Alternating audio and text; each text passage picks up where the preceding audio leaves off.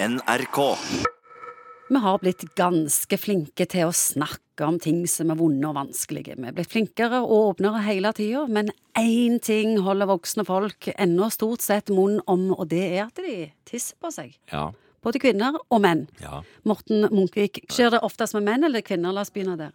La oss begynne der. Det skjer oftest med kvinner etter fødsel. Det er jo en påkjenning for dette systemet at man føder vaginalt. Da blir det, eh, Slapt. da blir det slappere, ja. Og så geografien endrer seg litt, sånn at eh, naturlige knekker på urinrøret kan rette seg ut, eller det kommer nye til som gjør at det kanskje lekker lettere. Og da er det vanlig råd å gi til de som nettopp har født, og driver på med bekkenbunnsmuskulatur, som kan gjøre at du blir Trene. Ja, trene. Trene en muskel som ikke er så lett tilgjengelig, sånn at du må jobbe litt grann med å få tak i den muskelen, men alle har en bekkenbunn som kan være med på å gjøre den tett igjen. Jeg ble ganske overrasket når jeg leste at 5% av mennene mellom 19 og 44 år sliter med det samme.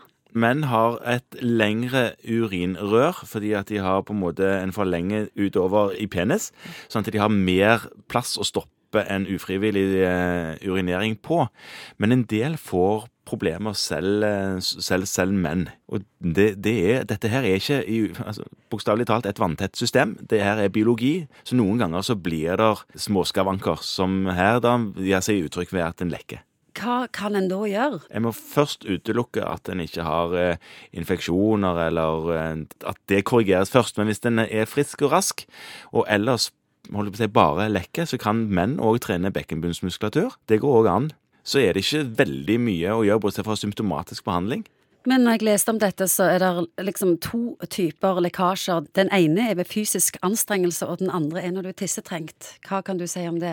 Kvinner som har født, vil ofte ha denne her stressformen for eh, inkontinens. At de lekker når de nyser eller ler og sånn som det. Og det gjelder òg eldre kvinner. For eldre kvinner, når de mister østrogenet som går gjennom menstruasjonssyklus, så vil mange oppleve at slimhinnene blir litt tørre og litt skrumper litt inn. Eh, Det gir opphav til mindre kontroll på blæra.